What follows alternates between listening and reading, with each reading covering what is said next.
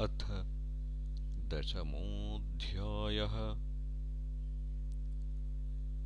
श्रीकृष्णस्य द्वारकागमनम्।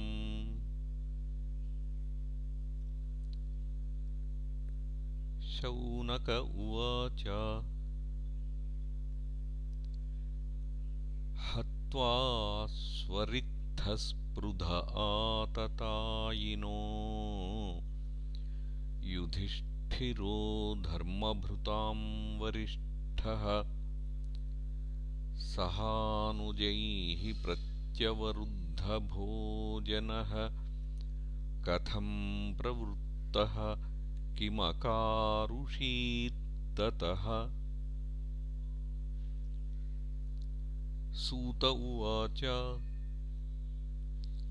वंशं कुरोर्वंशदवाग् निर्हृतम् संरोहयित्वा भवभावनो हरिः निवेशयित्वा निजराज्य ईश्वरो युधिष्ठिरं प्रीतमना बभूवः।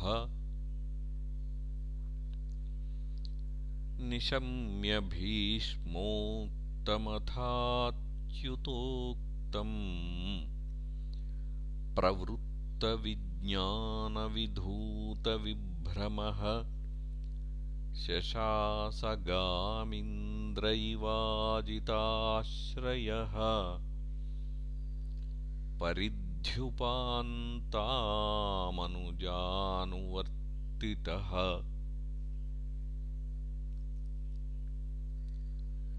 कामं ववर्षपर्जन्यः सर्वकामदुघामही।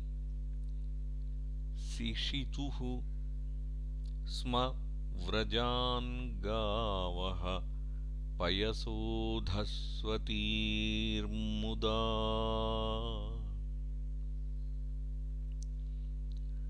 नद्यः समुद्रा गिरयः स वनस्पतिवीरुधः फलन्त्योषधयः सर्वाः काममन्वृतु तस्य वै।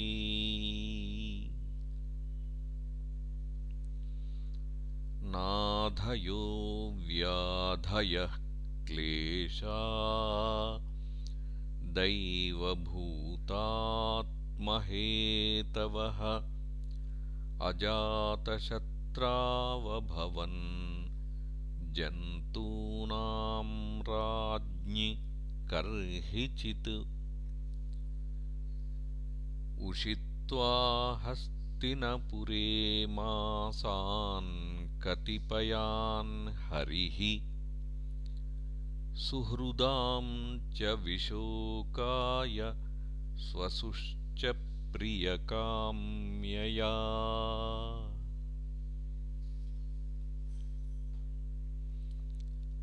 आमन्त्र्य चाभ्यनुज्ञातः परिष्वज्याभिवाद्यतम्। आरुरोहरथं कैश्चित् परिष्वक्तोऽभिवादितः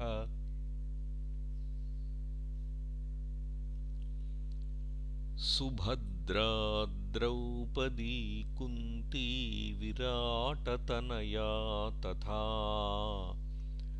गान्धारी धृतराष्ट्रश्च युयुत्सुर्गौतमो यमौ वृकोदरश्च धौम्यश्च स्त्रियो मत्स्यसुतादयः। न सेहिरे विमुह्यन्तो विरहं शार्ङ्गधन्वनः। सत्सङ्गान्मुक्तदुःसङ्गो हातुं नो सहते बुधः। कीर्त्यमानं यशो यस्य सकृदाकर्ण्यरोचनम्।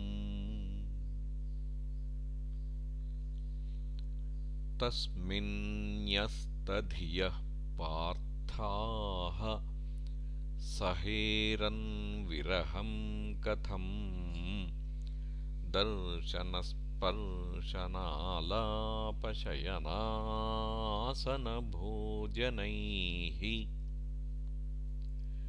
सर्वे ते निमिषैरक्षैस्तमनुद्रुतचेतसः वीक्षन्तः स्नेहसम्बद्धा विचेलुस्तत्र तत्रः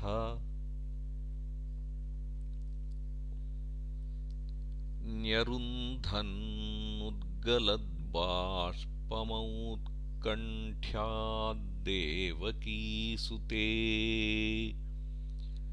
निर्यात्यगारान्नो भद्रमिति स्याद्बान्धवस्त्रियः।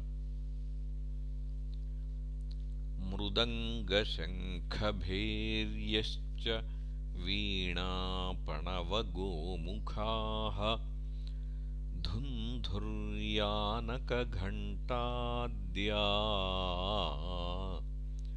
नेदुर्दुन्दुभयस्तदा। प्रासादशिखरारूढाः कुरुनार्यो दिदृक्षया ववृषुः कुसुमैः कृष्णम्। प्रेमव्रीडास्मिते क्षणाः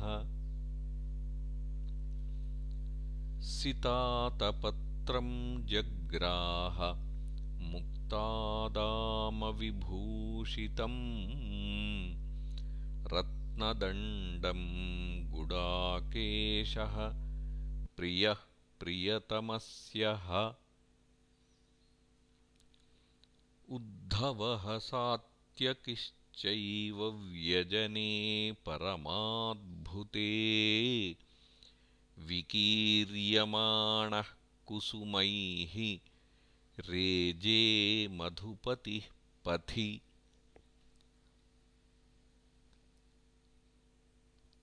अश्रूयन्ताशिषः सत्यास्तत्र तत्र द्विजेरिताः।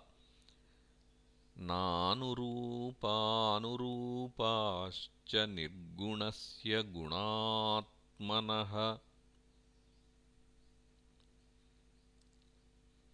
अन्योन्यमासीत् सञ्जल्प उत्तमश्लोकचेतसाम् कौरवेन्द्रपुरस्त्रीणाम् सर्वश्रुतिमनोहरः।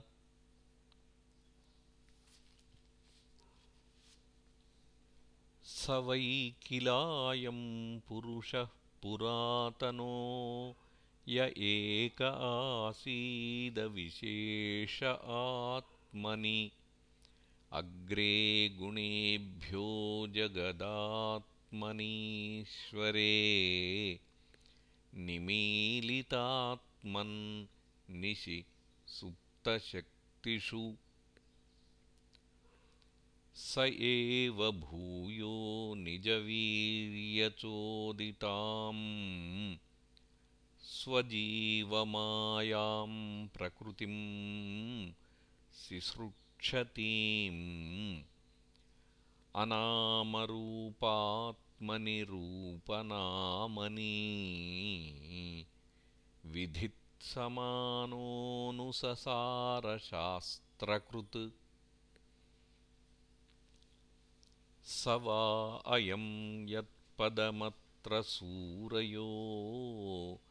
जितेन्द्रियानिर्जितमातरिष्वनः पश्यन्ति भक्त्युत्कलितामलात्मना नन्वेषसत्त्वं परिमार्ष्टुमर्हति। स वा अयं सख्यनुगीतसत्कथो वेदेषु गुह्येषु च गुह्यवादिभिः य एक ईशो जगदात्मलीलया सृजत्यवत्यत्ति न तत्र सज्जते।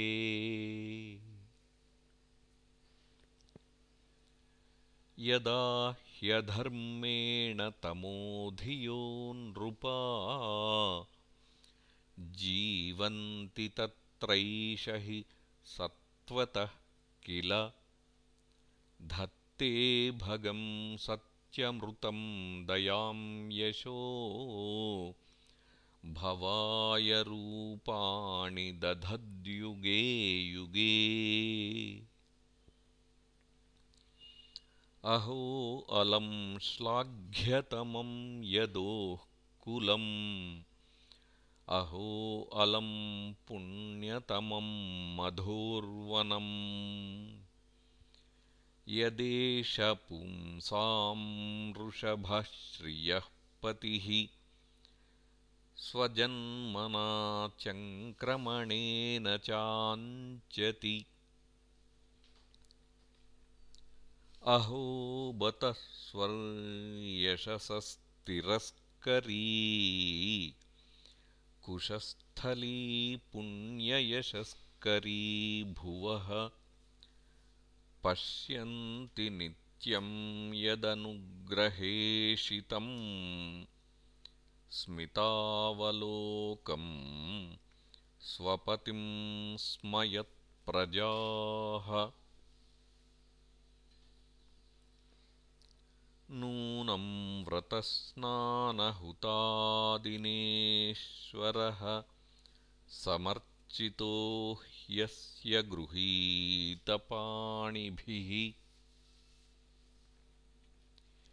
पिबन्ति याः सख्यधरामृतं मुहुः व्रजस्त्रियः सम्मुहुर्यदाशयाः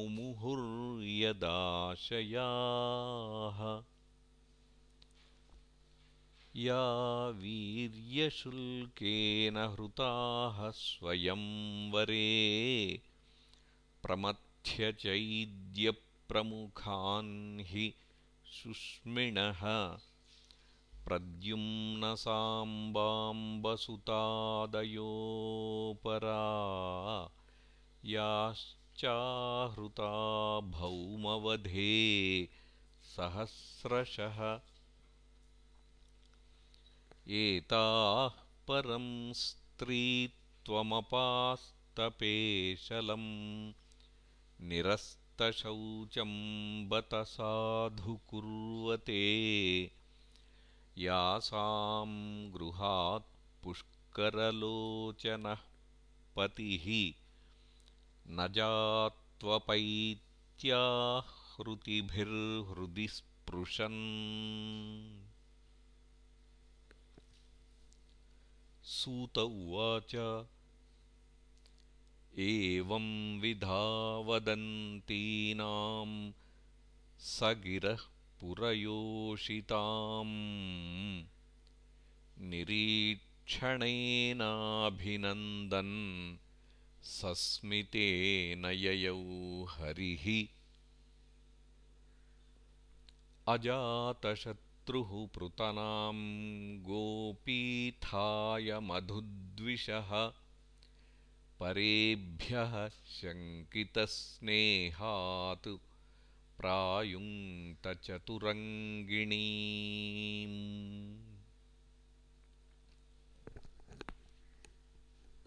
अथ दूरागतान् शौरिः कौरवान् विरहातुरान् सन्निवर्त्यदृढं स्निग्धान् प्रायात् स्वनगरीं प्रियैः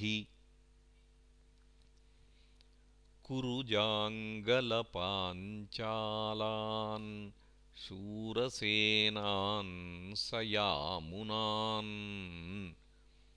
ब्रह्मावर्तं कुरुक्षेत्रम् मत्स्यान् सारस्वतानथ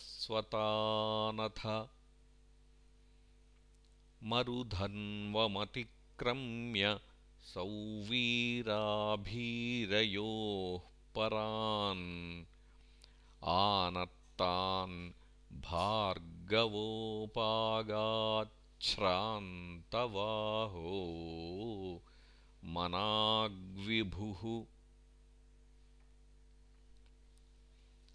तत्र तत्र हि तत्रत्यैर्हरिः प्रत्युद्यतार्हणः। सायं भेजे दिशं पश्चाद्गविष्ठो गां गतस्तदा। इति श्रीमद्भागवते महापुराणे पारमहंस्यां संहितायां प्रथमस्कन्धे दशमोऽध्यायः